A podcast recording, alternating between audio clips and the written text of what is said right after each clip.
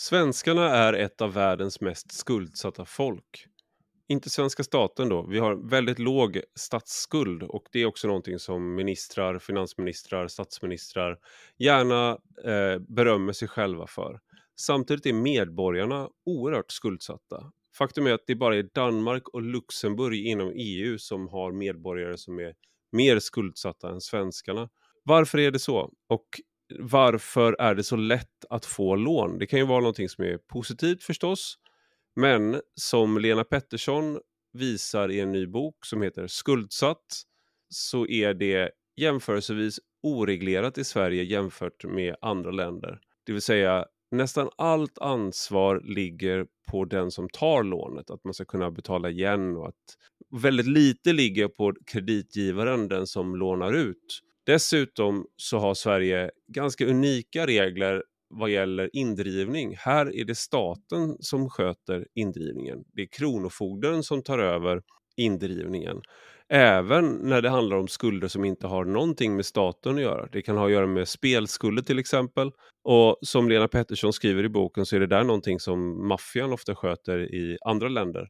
Det är en kvarts miljon människor som har varit fast hos Kronofogden i fem år eller mer. Och medan ett aktiebolag till exempel kan gå i konkurs och de som driver aktiebolaget kan börja om och skulderna stryks så finns det människor i Sverige som är evighetsgäldenärer. Det vill säga, de blir aldrig kvitt sina skulder för samma effekt som gör att rikedom, förmögenhet växer med tiden med ränta på ränta-effekten så växer också skulder om du inte kan betala hela räntan. Detta pratar jag om med dagens gäst Lena Pettersson och jag rekommenderar verkligen den här boken för den är en ögonöppnare tror jag och det är också slående att det här inte är en politisk fråga överhuvudtaget. Men nu till dagens gäst. Du lyssnar på Rak Höger med mig, Ivar Arpi.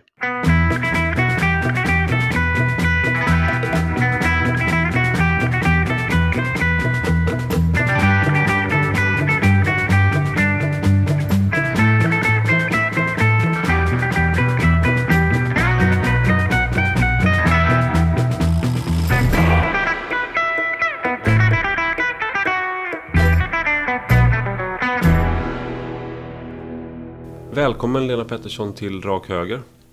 Tack. Vi sitter här på Riddarholmen eh, som är, vi konstaterade, är väldigt fint. Och eh, dessutom så gick det att hitta parkeringsplats här sa du, fast det ligger mitt i Stockholm. Mm. Det är, nu är det ingen hemlighet längre. Nu är ingen, exakt, nu har jag avslöjat det så nu kommer det inte gå längre. Om du behöver parkera i Stockholm, åk till Riddarholmen.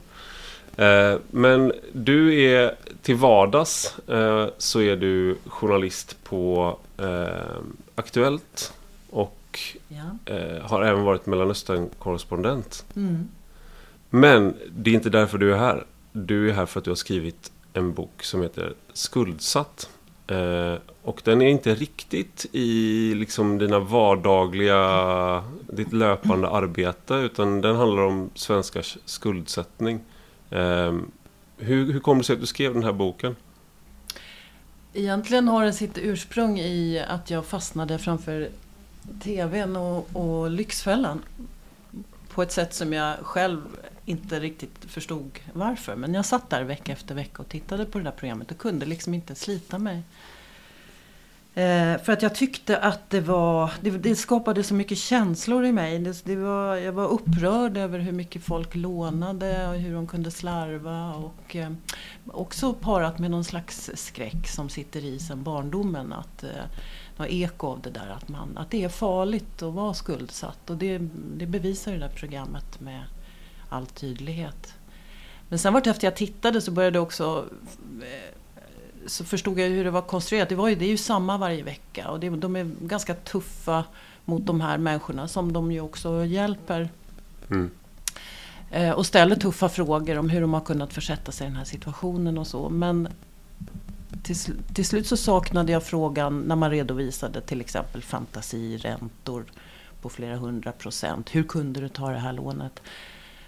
Så kändes det som att jag saknade frågan till den som hade gett lånet till människor som uppenbarligen redan var i en väldigt svår ekonomisk situation och som hade ganska små utsikter att någonsin betala det där Mm. nya lånet. Och dessutom så blev jag nyfiken för jag hade också en aning om att det fanns en, något som hette ocker i svensk lagstiftning. och när jag började titta lite på det så, så visade det sig att ja det gör det men den användes inte. Det var en, en bit lag som låg oanvänd sen jag tror att det var 16 år då som Mm. det sista ocker. Målet hade varit.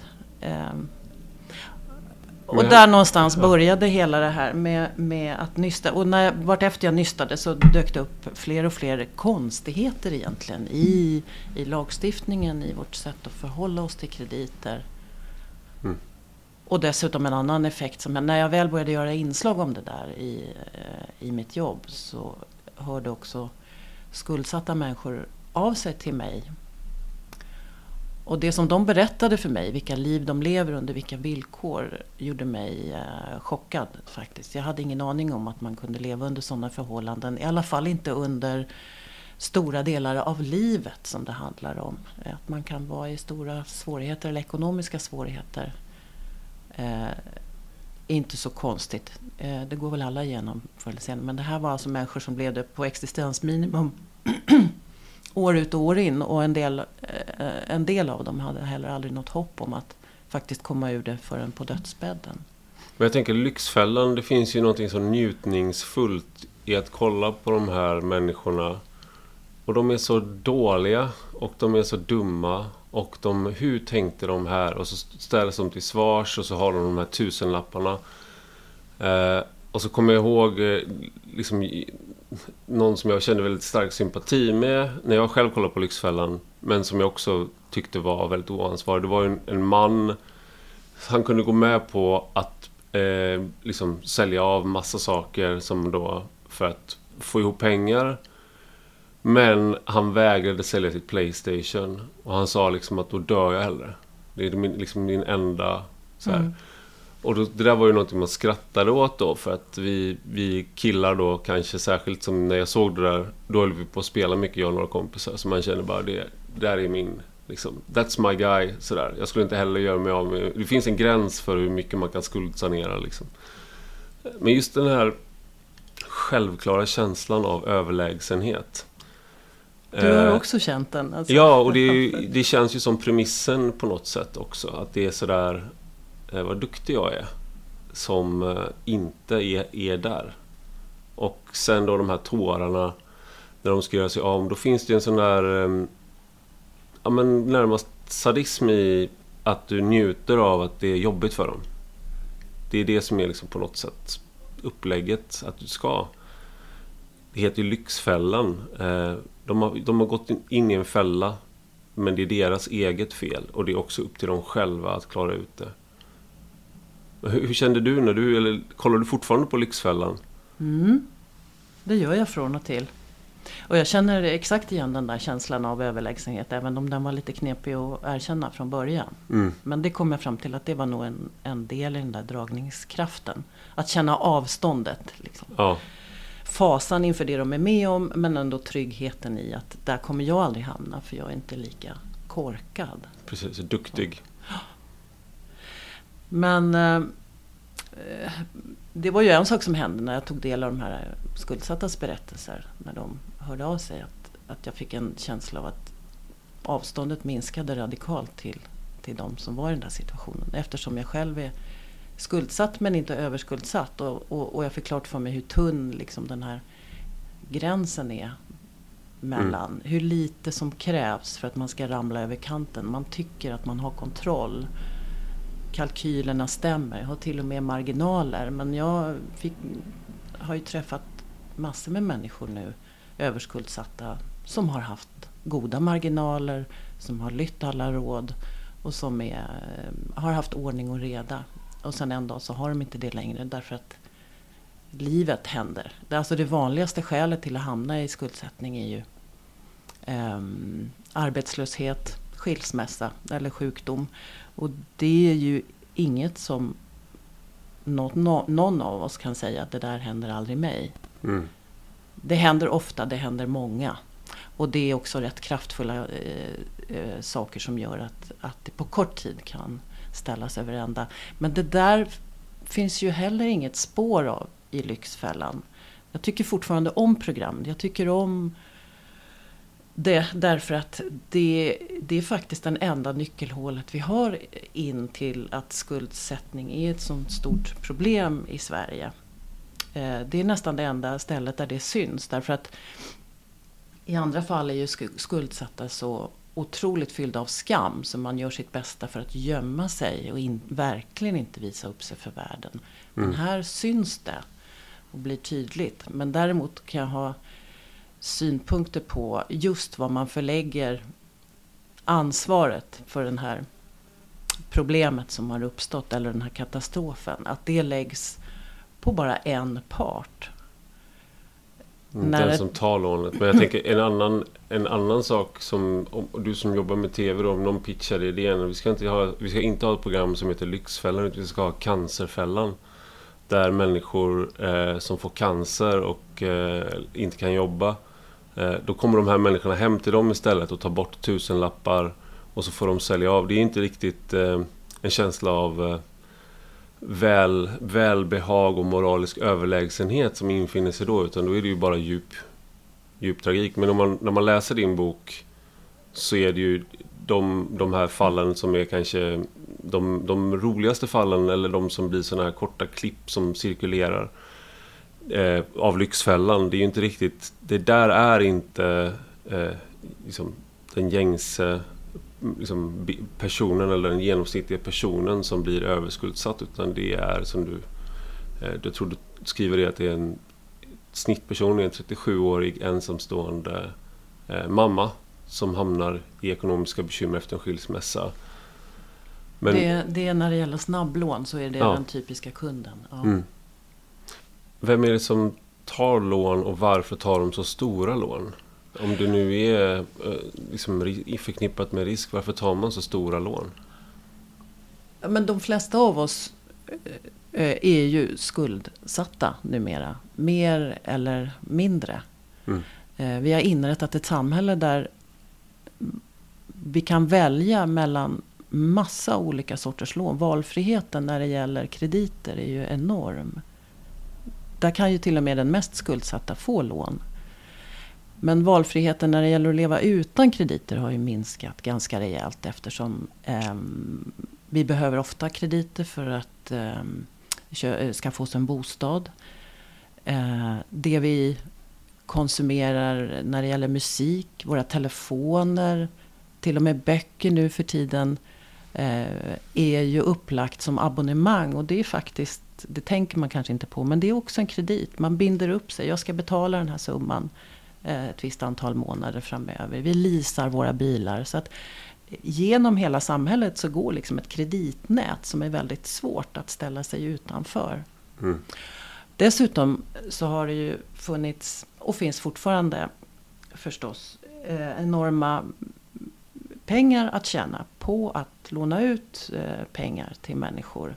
Det betyder att det finns ett stort kommersiellt utrymme som förstås bolag och människor vill, eh, vill ta del av och vill, vill få del av den vinsten. Och då har man också skapat en otrolig drivkraft för att mm. se till att folk lånar på sig mer och mer. Just det här att, att krediterna blir fler och att de blir större.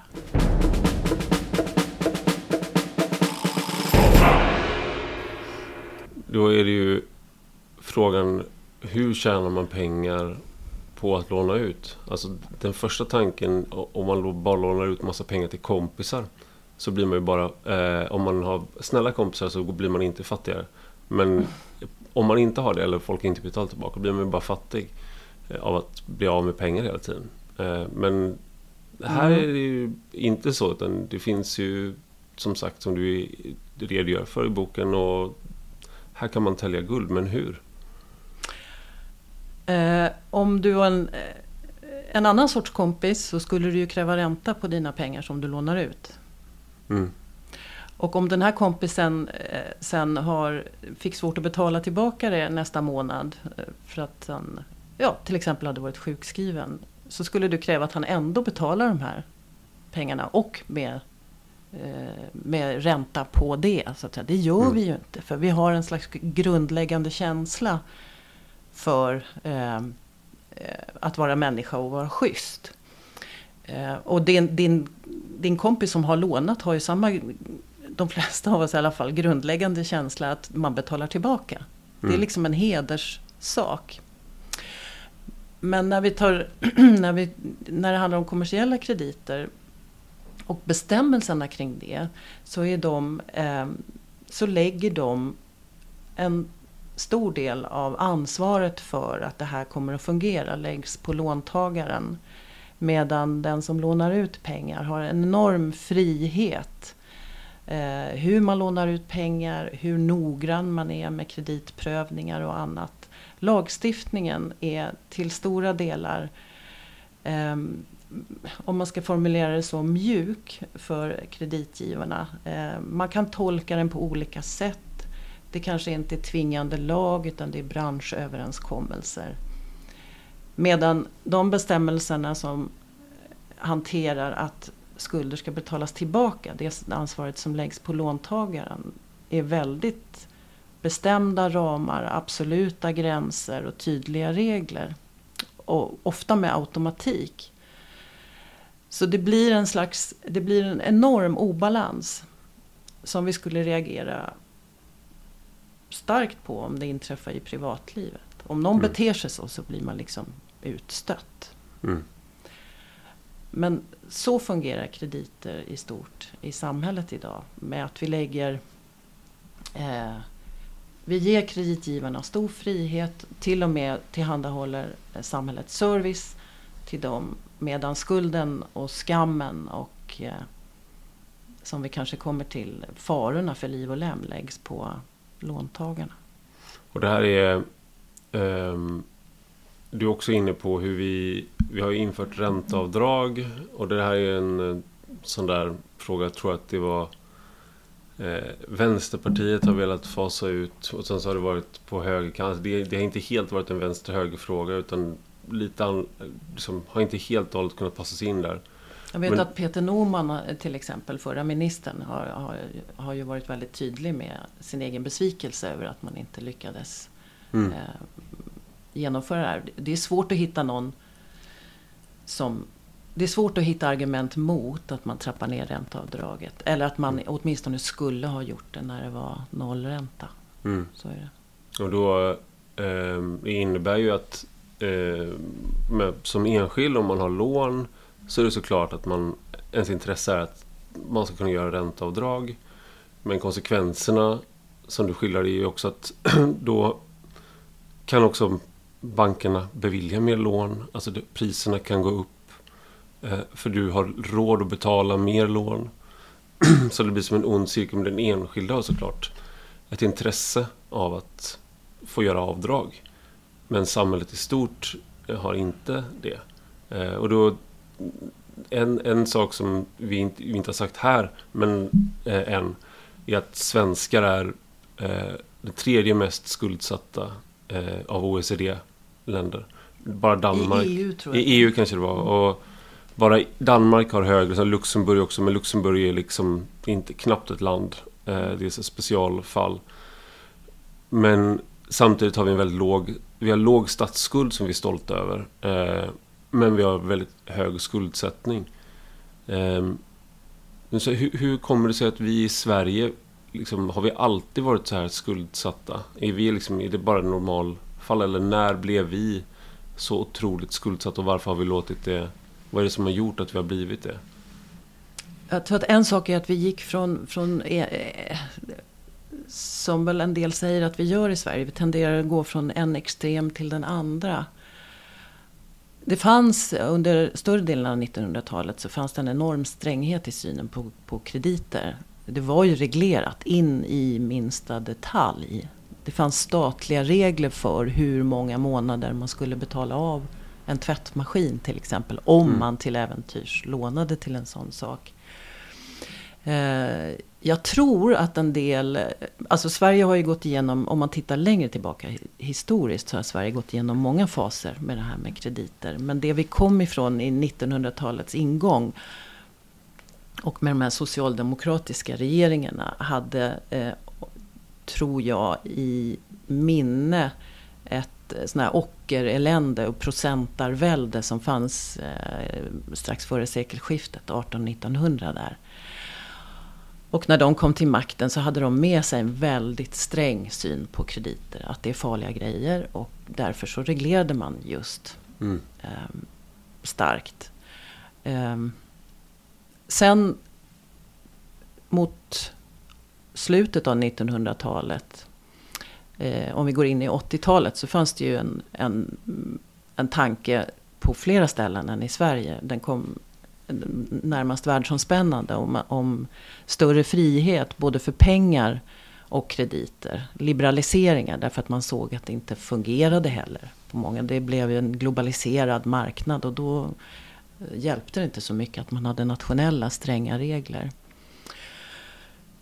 Och då avreglerade ju Sverige i den eh, andan eh, 1985, den, den här novemberrevolutionen kallas det för. Och det var det verkligen. Det var från, från mycket hårda regler till mycket stor frihet. Mm.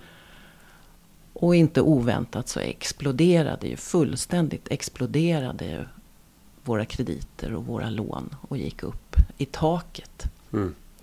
Och det fanns, och vinsterna var också enorma. Så det fanns en, eh, vi gick från den här ena extremen till den andra. Och regelmässigt så är vi kvar mycket i den världen med den här stora friheten. Mm. Men, och här är um, en, en sån här sak som när man pratar om uh, frihet på börsen och allt sånt där. Då, eller man pratar om att investera på börsen. Det blir, blir, blir populärt i perioder när det går väldigt bra för börsen. Men då är den här ränta på ränta-effekten. Det finns till och med en låt där som är, där folk står och sjunger ränta på ränta och så finns det parodier på det där. Oj, eh, den har jag missat. Ja, det, det, du har nog inte missat så mycket men eh, det är väl en bra signal om att eh, nu är börsen på toppen ungefär när man till och med gör musik om ränta på ränta. Mm. Men då är det ju liksom tanken är att du får först får du ut räntan och då innebär det att summan blir större. Så får du ränta på den större summan. Och över tid genom att liksom månadsspara och ränta på ränta och liksom så får du mycket mer pengar. Mm. Eh, men något motsvarande finns ju också då eh, om man eh, tänker efter när det gäller eh, lån. Alltså som du beskriver på ett väldigt klaustrofobiskt sätt i boken. Liksom att du, du kanske inte har råd att betala hela räntan. Eh, då läggs den till skulden och då blir det ju en större räntebetalning nästa månad. Och då kommer du inte ha råd att betala den heller. Och då blir det en ännu större del som ökar på skulden. Så även om du kanske börjar med ett lån på 20 000 för att klara en akut situation. Så om du inte får, kommer ur och får en väldigt mycket högre, eller högre inkomst så att du kan eh, börja betala så kommer du kanske snart ha ett lån som är dubbelt så stort. Mm. Och sen fortsätter det där. Mm. Eh, och det, att det där är ju... Eh, det finns inga regler mot det där i, i, Sverige utan det är upp till låntagaren då. Och eh, eh, långivaren har dessutom då en, eh, som du är inne på, en väldigt bra hitman som, i Kronofogden som inte gör som man driver, om det är en spelskuld till exempel det handlar om som, som är, ligger där och tickar på. I andra länder skriver du så skulle det kanske vara maffian som driver in en spelskuld så att säga. Men i Sverige så är det Kronofogden som gör det oavsett hur skulden har uppstått. Och man gör inte heller eh, domstolsprövningar om den har uppstått på ett legitimt sätt eller om det är juridiskt godtagbart på alla sätt. Utan den ska bara drivas in. Eh, det är det som är intressant. Om vi, för vi talade om den här stora friheten, liberaliseringen av hela kreditmarknaden. Um, på utlånarsidan. På låntagarsidan så har vi en oerhört stark reglering. Mm. Och en statlig myndighet som ser till att detta följs in i minsta detalj. Och det finns en massa automatik som det här sker med, som du beskriver här. Så det, det, är också där som, som en väldig skevhet. Mellan i det ena fallet så, så, säger, så tar staten ett steg tillbaka och säger det där sköter marknaden bäst själv. Men när det gäller själva indrivningen så, så ställer sig staten där rustad till tänderna och satsar ganska mycket skattepengar på att eh, driva in skulder mm. som inte är statliga. I USA så eh, skulle man ju bli chockad över en, svensk, eh, alltså en myndighet som driver in skulder som har uppstått därför att ha köpt hm kläder på nätet. Mm. I USA driver den statliga indrivningsmyndigheten, de ägnar sig åt att driva in skatter, studieskulder och jag tror eh, alltså böter och skadestånd. Sådana som har uppstått efter brott. Mm. Sen får de andra sköta sig själva. Är det någon som har lånat ut pengar vårdslöst så får de se till att driva in dem själva. Mm. Och tanken är ju då att eh, det blir ett lärande. En, en, en, marknad som lär sig av sina misstag. Mm. Och om man inte får ta konsekvenserna av dålig utlåning så kanske man inte lär sig lika mycket av sina misstag. Eller misstagen hamnar i någon annans, konsekvenserna hamnar i någon annans knä. Så är väl tanken. Alltså det var intressant att se Lyxfällan med om, omvänt. Alltså du kommer till banker istället. Eh, och så här, nu har ni lånat ut till de här. Eh, hur tänkte ni då? De här har ju liksom ingen kreditvärdighet här. Då tar vi de här från din lön och så sätter vi de här. Får du, får du, liksom, eh, får du ta ditt straff här och så får sitta banktjänstemän och, och gråta istället i Lyxfällan för att de har tjänat pengar på den här utlåningen. Det är ju, eh, Jag tycker den, den idén är bättre än Cancerfällan. Cancerfällan Bank, känns mer deprimerande. Eh, bankfällan, exakt. Men, och det här är ju också en sån där... Det här är ju eh, svårt på ett sätt att förstå hur man har kommit till... Eh, att, att det är så lukrativt i Sverige för att väldigt mycket av det som hände med bankkrisen eh, 2008 handlade ju om något liknande, alltså i USA där man, eh, bankerna tjänade på att låna ut pe pengar till människor som egentligen inte kunde betala. Och allt det här är såklart skildrat i The Big Short, mm. filmen, men framförallt boken om Michael Lewis. Mm. Där de här bankmänniskor som sitter på bankerna, de, de är... Av vid något tillfälle var det någon som hade träffat någon eh, strippa i Las Vegas som ägde fem hus som hon hyrde ut då. Och sen när kraschen kommer så ska du betala av ränta så går ju inte det såklart. Mm. Och eh, du kan inte sälja husen till det priset längre. Mm. Och då hamnar du i, i de här liksom, hopplösa situationerna. Och i Sverige nu så har vi då eh, 250 000 som är hos Kronofogden har varit det i fem år eller mer. Mm. Det är ju en, det är en, det är en stor svensk stad eh, som är i, den här, i, liksom i, i alla fall i närheten av den här situationen. Mm. Men ja, det här är nog första gången som när jag läste det här. Det har kanske att göra med mina intresseområden men det, jag tror inte att jag har läst den siffran tidigare. Det här är liksom ingen... Det här rangordnas inte som den viktigaste frågan för väljare eller sådär. Utan det här, är en, det här är en statistikuppgift som är första gången jag stöter på tror jag. Men en stor del eh, av förklaringen till det ligger ju i att vi kulturellt har omgärdat det här att vara skuldsatt med en otrolig skam. Så att de, som, de här 250 000, absoluta majoriteten av det, är väldigt noga med att dölja att de befinner sig där och är väldigt tysta om det. Mm. Så det hjälper till. Så det, det, förutom det här att vi har omvandlat reglerna i samhället kring krediter så har också kulturellt skett ett, ett skifte. Mm. Det jag tycker är också särskilt intressant är hur det har förändrat vårt språk till och med. Hur alltså, tänker du då?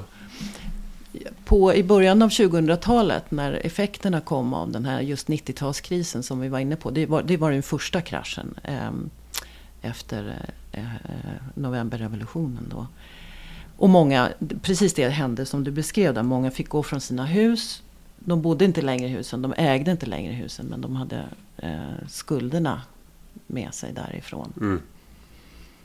Många av dem sitter fortfarande fast i det. Det kallas, och då, deras skuldsättning var så omöjlig att ta sig ur och så långvarig. Så man när man började se det i början på 2000-talet så var man tvungen att uppfinna ett nytt substantiv i svenska språket, nämligen evighetsgäldenär. Därför att det betecknar en person som har väldigt som har ingen eller väldigt låg chans att ta sig ur skuldsättningen förrän på dödsbädden. Mm. Eh, å andra sidan så har vi rensat bort ord som vi förut hade i språket. Som till exempel ocker, procentare. Det är ju ingen vettig människa som använder nu för tiden. Det låter Nej. liksom som skillingtryck och 1800-tal. Mm. Men verksamheterna finns kvar. Mm. Men vi har inga ord längre för att beteckna det. Och sen eh, finns det en annan variant och det är, det är ord liksom som har fått helt en annan betydelse. Jag tänkte nu har inte kontantinsats mm. Är ju någonting som är, som är infört för att vi ska faktiskt inte låna så mycket utan betala en del av, till exempel när man köper hus. Det ska vara kontant. Men googla på en kontantinsats och om ungefär hälften av svaren kommer vara guidningar eller erbjudanden eller uppmaningar till att låna. Mm. Till kontantinsatsen. Och då finns ordet kvar, men vad betyder det ens? Mm. Då har liksom ordet kontant till och med förlorat sin betydelse. Om det är vanligt och helt accepterat att vi lånar också till kontantinsatsen. Mm. Så på så sätt så förändrar, och det där hur vi använder orden förändrar ju också vårt tänkande och i vårt sätt att handskas med det. Mm. En, en sak som är, vi säger ju att vi äger våra bostäder, att vi, man har bostadsrätter, man har köpt sin, så man äger sitt eget hus. Mm. Men det är ju fel. Det är ju inte du själv i regel som gör det. Och det finns de som betalar av, om du har möjlighet att betala av hela lånet Eh, och det är väldigt provocerande. Eh, jag har en släkting som gjorde det med sin lön och eh, hans bekanta som då de jobbade i, i bankvärlden, de tyckte att det där var det dummaste de någonsin hade hört. Att han betalade av så att han, ägde, så att han hade inga lån kvar? Exakt, för att det är ju det finns ju förmån, förmånligare sätt att investera sina pengar. Om du då du investerar för framtiden. Du kan investera på börsen, i fonder eller vad det nu är så kan du och sen betalar du räntorna på, eh, på ditt stora bostadslån istället. Och sen på sikt då med dina andra investeringar så kan du på något sätt kvitta ut bostadslånet kanske. Och då har du tjänat mycket mer pengar. Men av ideologiska skäl så ville inte han eh, vara belånad. Och det där var väldigt i sig väldigt provocerande för rationella människor som har läst nationalekonomi och eh, liksom i den här branschen. För det är irrationellt helt enkelt. Vi ska inte... Det är inte tänkt att vi ska betala av de här lånen. Men det är, det, det är någonting som du tar upp i boken också. att Så tänker man inte i alla andra länder. Det är inte så att man alltid tänker så att man aldrig ska betala av lån. Eller att man aldrig ska amortera. Utan det är ganska svenskt att tänka liksom att vi, man betalar räntan och så har man sitt lån på jag tror, att, jag tror att vi oftast tror att vi är så normala men Sverige sticker verkligen ut här också. Det finns eh, ner på kontinenten så finns det just regler för hur, hur lång tid ett bostad... Alltså du måste till exempel kunna betala din bostad på 20 år. Större lån än så får du inte ta. För mm. att det är nyttigt. Eh, tyska vänner som, som har flyttat till Sverige och som blev chockade över sitt besök på banken när de möttes av en banktjänsteman som försökte övertala dem att låna mer än det de bad om. Mm. Och sen frågade han dessutom om de var intresserade av amorteringsfrihet. Det vill säga inte betala ett dugg på lånet utan bara sitta och betala räntor. Det, hade de, det, var, det var fullkomligt exotiskt för dem. Det hade de aldrig hört talas om. De hade inte hört ordet amorteringsfrihet och, och det här att en banktjänsteman är liksom en säljare. Mm. var nytt för dem. Det är konstigt för man tänker då bara i, om man är kvar i då sin eh, stenålders eller eh, inte, bondesamhälles eh, moral om att den som är satt i skuld inte är fri och man har här du får inte ta ut ränta på en kompis när du lånar och då tänker man sig att banken ska på något sätt ska inte vilja låna ut mer. Det är dumt för banken och amorteringsfrihet det låter också dumt. Men du istället skapar du den här evighetsaffären med liksom konstanta räntor som blir då liksom en inkom, konstant inkomst. Eh, och om, om de här orden eh, som du tog upp, ockrare och procentare och de där orden är borta. Däremot har vi ju andra ord som vi använder gärna och det är ju eh, entreprenörer till exempel. Eller enhörningar då för eh, liksom, företag som är väldigt, väldigt framgångsrika. Och ett sånt där företag är ju Klarna. Som eh, bara på vägen hit så betalade jag med Klarna för en, eh, att hyra en elsparkcykel för att skynda mig från tåget. Mm. Eh, och, det är svårt att komma undan även om man vill. Precis. Det är, ja.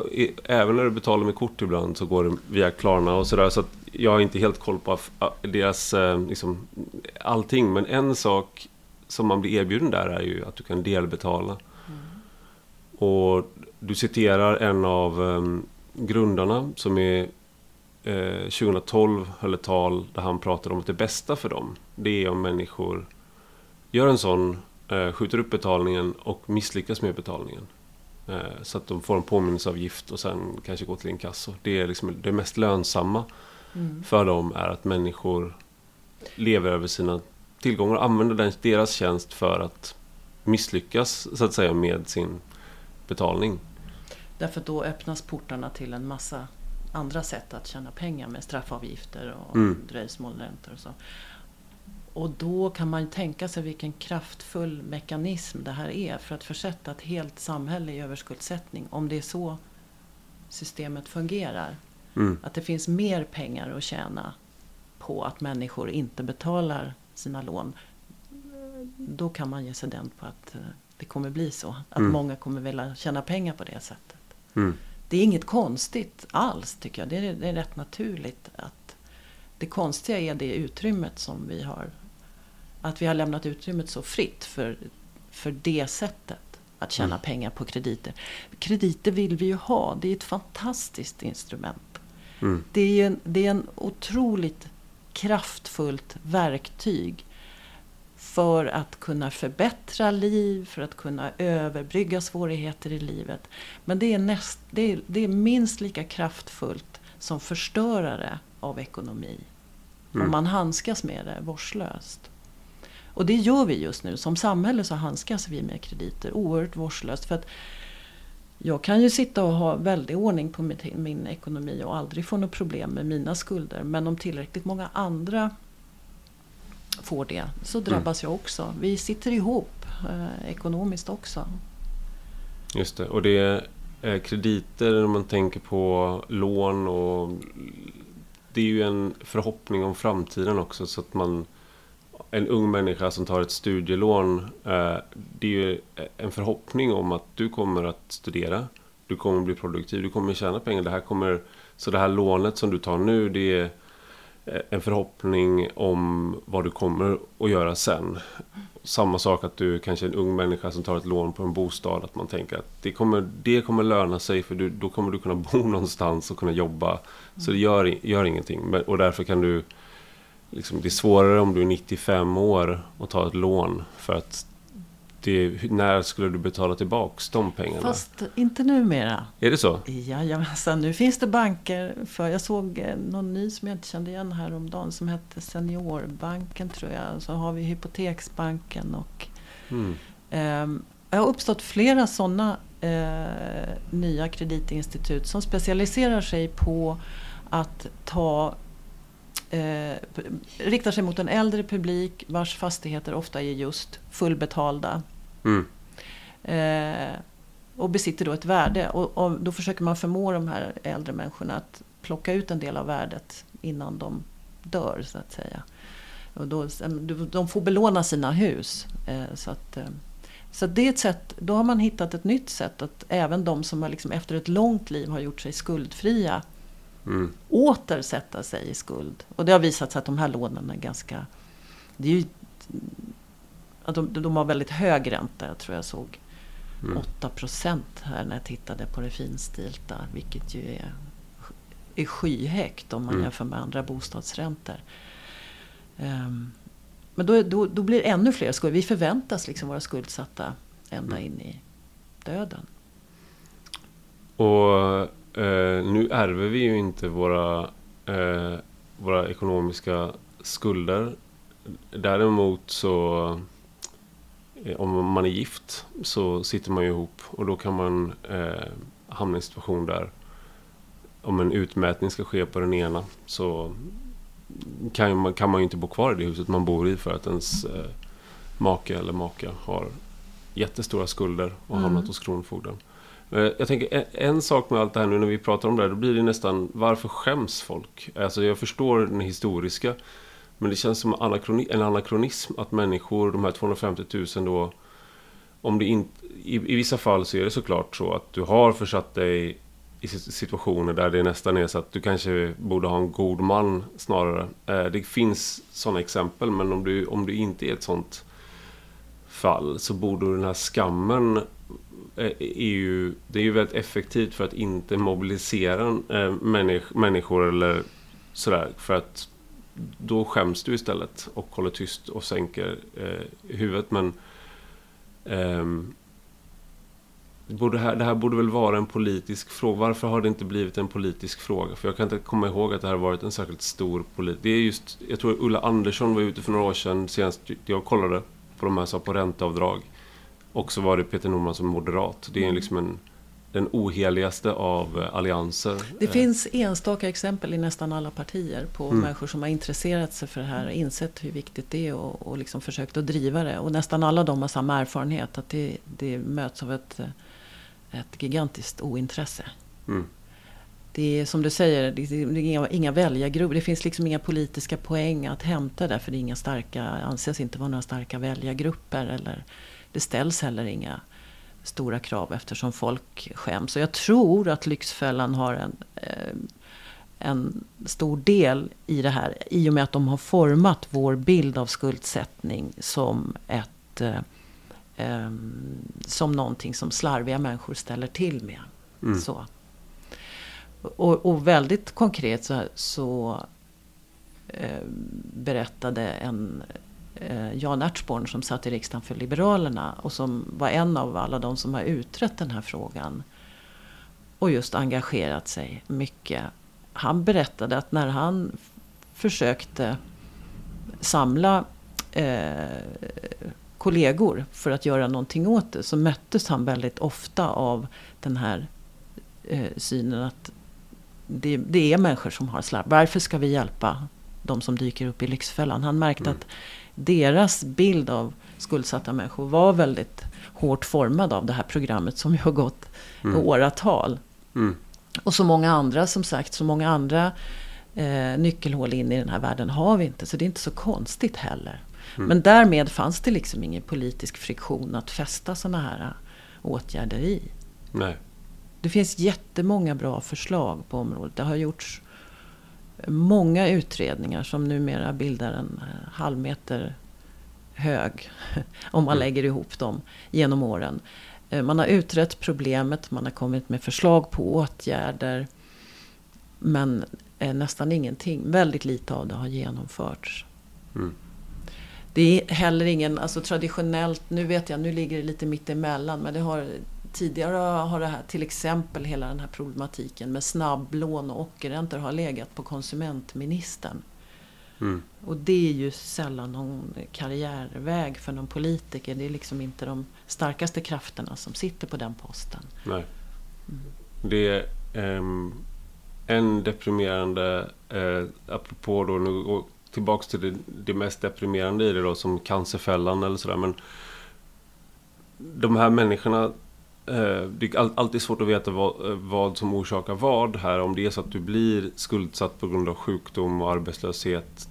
Du blir sjuk, kan inte arbeta, bli utförsäkrad och hamnar i en ond cirkel där. Men de är, eh, var det nio gånger sjukare än eh, gemene man tar upp. Alltså det, ohälsan mm. är väldigt hög och eh, en av fem eh, försöker begå självmord och dessutom så lyckas de i större utsträckning vilket ju är eh, en morbid detalj mm. i det.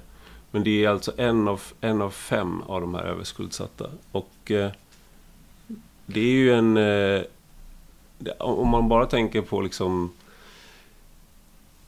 vi befinner oss inte i krig. Vi liksom, alltså det är så här, du, du, du är inte hotad till eh, att det kommer inte hem någon och har ihjäl dig. Men att leva då på det här sättet, det är så plågsamt för många av de här att det, det har, tar ut en stor kostnad både fysiskt och mentalt. Det gör det verkligen. Eh, det är, alltså att, att vara överskuldsatt är helt enkelt att befinna sig på ett otroligt farligt ställe. Det är jättefarligt att vara överskuldsatt. Av de som du nämner, alltså att man blir, har flera sjukdomar. Eh, både fysiskt och psykiskt. Alltså både diabetes och hjärt-kärlsjukdomar är, är det mycket mer av i de här grupperna. Och, och inte minst då det psykiska mm. måendet också. Um, så att det, av det skälet är det också märkligt att, uh, att samhället gör så lite åt problemet. Därför att om det här hade varit, om det här um, farorna mot liv och lem hade varit orsakat av en bakterie mm. eller en smitta så skulle man kunna tänka sig att, att samhället engagerat sig och satsat pengar på forskning. Inte minst på hjälp och lindring för de som är drabbade. Mm. Men nu är det här en ekonomisk fråga. Mm. Och då behandlar man det på ett helt annat sätt. Då är det liksom ointressant och det blir individualiserat. Mm. Det är ditt eget misslyckande. Det är inte ett samhälleligt misslyckande. Men om det är så många eh, som mår eh, som, som plågas av det här. Då är det ju ett problem för samhället. Vilket Riksrevisionen har ju räknat ut. Att det kostar. Jag tror att deras minimisumma var 8 miljarder om året. Mm. Eh, att det kostar i sjuktal och att människor helt enkelt inte eh, de mår dåligt, de orkar inte jobba, de får sjukdomar, får fysiska sjukdomar och så vidare. Det är ett enormt produktionsbortfall om man nu bara ska vara kallt, ekonomiskt kalkylerande. Så även rent ekonomiskt så finns det mycket att vinna för samhället att komma till rätta med det här problemet. Vi har ju, man får inte vara livegen längre. Man får inte sälja sig själv som eh, slav. Man får inte liksom... Det finns massa regler kring sånt och det, det hör man också. Att vara träl är inte... Det finns mm. inte så många trälar. Men om du är då så skuldsatt eh, och du har ett jobb men din inkomst till stor del, din disponibla inkomst till stor del går till att betala av lån månad efter månad efter månad men skulden växer ändå. Mm. Då är du ju på många sätt livegen. Alltså då är du ju utlämnad till de här lånen som du betalar av. Då är, du, du, du jobbar ju inte för, eh, för dig, dig, själv. Eller sådär. Den här friheten då som det finns i kreditgivningen. Det här är, dess, det här är skuggsidan av den. Eller det här är den liksom förvrängda spegelbilden av vad som kan komma ut, vad som kan finnas på andra sidan då. Mm. Jag har eh, en av dem som är med i boken och berättar det hon gått igenom. Eh, som hon kallas för Eva där. Har ju eh, eh också ett, eh, ett fall som har, har rötter i den här 90-talskrisen med en bostadsaffär där. Har då levt i djup fattigdom i eh, 25-30 år och levt det liv som du beskriver. Att allting man jobbar för, allting utom existensminimum går till att betala en skuld som dessutom växer. De har betalat, jag tror att de var skyldiga en miljon från början. De har betalat tre miljoner nu, när de, har de räknat ut. Har nu gått igenom skuldsanering och är skuldfria. Mm. Hon har nu börjat kunna jobba över. Alltså hon jobbar som undersköterska och kan nu ta extra pass. Mm. Alltså det var fullständigt poänglöst för henne förut att jobba mer. Hon kunde jobba mer, men varför skulle hon dra in mer pengar till denna växande skuld? Ja. Så det är små sådana här, men väldigt kraftfulla mekanismer. Mm. Eh, som slår in och slår till. Eh, som, som sagt, inte bara plågar människor utan också påverkar samhället i stort. Om Klarna nu då, som är ett aktiebolag. Eh, nu går de ju inte med så mycket vinst utan de har gått back nu, eh, vet jag. Men eh, eh, om de skulle gå i konkurs så skulle ju de som driver företaget kunna gå vidare och starta ett nytt företag. För det är ju en juridisk, ett aktiebolag är ju inte... Så de skulle inte behöva en skuldsanering, de som har det företaget så att säga. Nej, det är ju också en sån här fantastisk märklig skevhet. Om vi nu är så stränga i vår syn på skulder och är så noggranna med att de ska verkligen betalas tillbaka. Det är värt att människor lever på existensminimum i 25 år bara för att upprätthålla den här betalningsmoralen och betala tillbaka. Men när det uppstår skulder i, i ett aktiebolag så har man ju en helt annan syn på det. Både mm. samhälleligt och i lagar och regler. Där är det jätteviktigt att man kan stryka skulderna. Man, man, man går i konkurs när man ser att det håller på att barka åt helsike. Eh, sen stryks skulderna omedelbart. Samma dag du går i konkurs, registrerar den, så stryks skulderna. Mm. Och du har som människa och som företagare och entreprenör rätt att gå vidare till nästa projekt. Mm. Därför att samhället har ingenting att vinna på att du blir förlamad av de här, ska gå och dra på de här skulderna. Då blir man ju troligen inte särskilt eh, kreativ eller ekonomiskt eh, hälsosam varelse. Nej.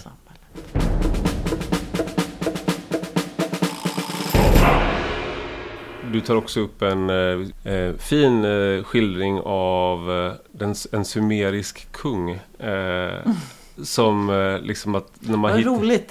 Jag är så oerhört intresserad av Mesopotamien. Och nu ja. har jag hållit en del intervjuer om den här boken och ingen har tagit upp det. Ja, Utan okay. alla är så intresserade av det här och nu och jag förstår det. Men jag är väldigt förtjust i ja, ja, Mesopotamien och deras uh, hantering och, av räntor och krediter. Precis, och, och att eh, sumererna är ju, det är ju verkligen man, jag kommer ihåg från eh, när man lärde sig om eh, de första civilisationerna, så sumererna är liksom den första eh, civilisationen i Mesopotamien som är liksom hög, en, som anses vara högkultur i alla fall. Och Babylonien och alla de här kom efter. Men liksom, en av de här första, man hittar den här stenen då eh, eh, från eh, liksom, den sumeriska kungen Entemena Eh, säkert perfekt uttalat. Om, någon, om någon sumer lyssnar nu så får de rätta mig. Men eh, där man liksom går igenom då att man har gjort skuldavskrivningar helt enkelt. Och till och med ordet eh, halleluja är liksom en eh, etymologiskt härstammar från rituella skuldavskrivningar. När man slutade vara slav och att man hade det här liksom återkommande, att man skrev av skulder och att det var en liksom, just politiska konflikter som liknar egentligen det som du beskriver, hon som började ta, jobba övertid. Att när han insåg, den här kungen, att om, om alla är liksom satta i skuld och jobb, inte jobbar för sig själva, att folk tappar motivationen, det liksom leder till konflikter, det är dåligt för, för riket och sådär. Vad, vad ska man dra för liksom, slutsatser här av eh, de gamla sumererna och den här, det här exemplet? Jag tycker att det är så spännande att titta på eh, dem. Därför att, ja, för det första var det ju där räntebärande lån uppfanns. Eh, från början. Och så upptäckte man vilket otroligt kraftfullt just verktyg det var. Mm. För att öka välståndet i samhället. Det, det är som ett ekonomiskt smörjmedel. Krediterna funkar så. Men efter, eh, inte så långt efter att man hade upp, gjort den där upptäckten så, upp, så, så uppstod ju också ett slags missbruk. Mm. På just de här premisserna. Att man, plå, att man, att man eh, eh, ja, folk fick sätta, eh, folk som inte kunde förhandla om villkor, en bonde till exempel som har haft missväxt. Det är ju ett fantastisk hjälp för den personen om han får låna pengar och klarar sig över till nästa skörd och kan bli produktiv och så. Mm. Men om, om nästa skörd helt går åt till att betala räntan på det gamla lånet, ja då hamnar man i en, en ond cykel eller att det blir ännu ett missväxtår. Om folk missbrukar det där mm. så ledde det till eh, ganska stort elände och då så de, hade tvingat, de tvingades ju handskas med det där på olika sätt. Och det är jättespännande att se hur de löser problem på olika sätt. Men en sån här slags generalklausul som man använde sig av blev ju en skuldamnesti som ofta utfärdades av kungar. Antingen när de trädde till. Mm. Eh, Men också ofta mitt i ämbetsperioderna. Om man är en slags säkerhetsventil för hela samhället. När man märkte att det här börjar gå för långt. Människor mm. är för skuldsatta.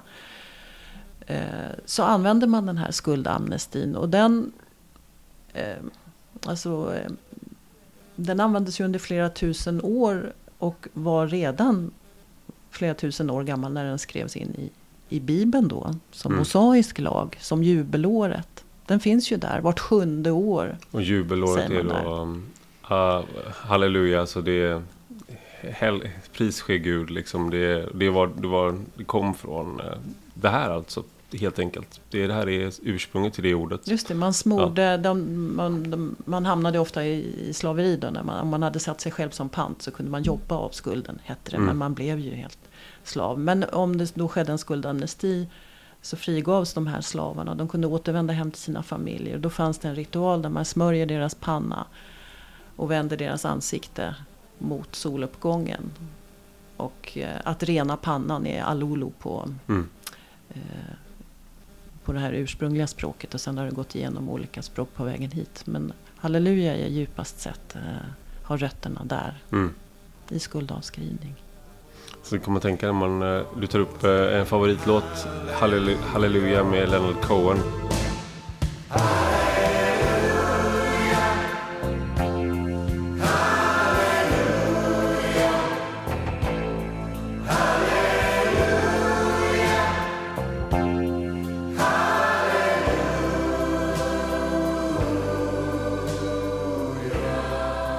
Tänka på det. Det han sjunger är, när, när det är så känslostämt handlar det bara, handlar det bara om skuldavskrivning. Ja, det, är det det handlar om. Det är krediter, det handlar om kreditmarknad han sjunger om.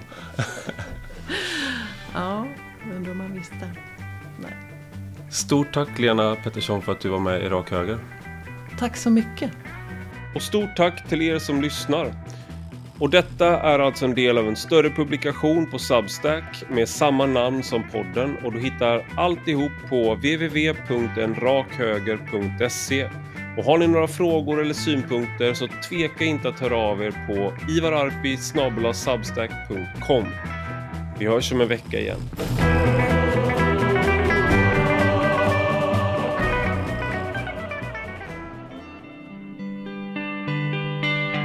And it's not a cry that you hear at night. It's not somebody who's seen the light. It's a cold and it's a broken hallelujah. Hallelujah.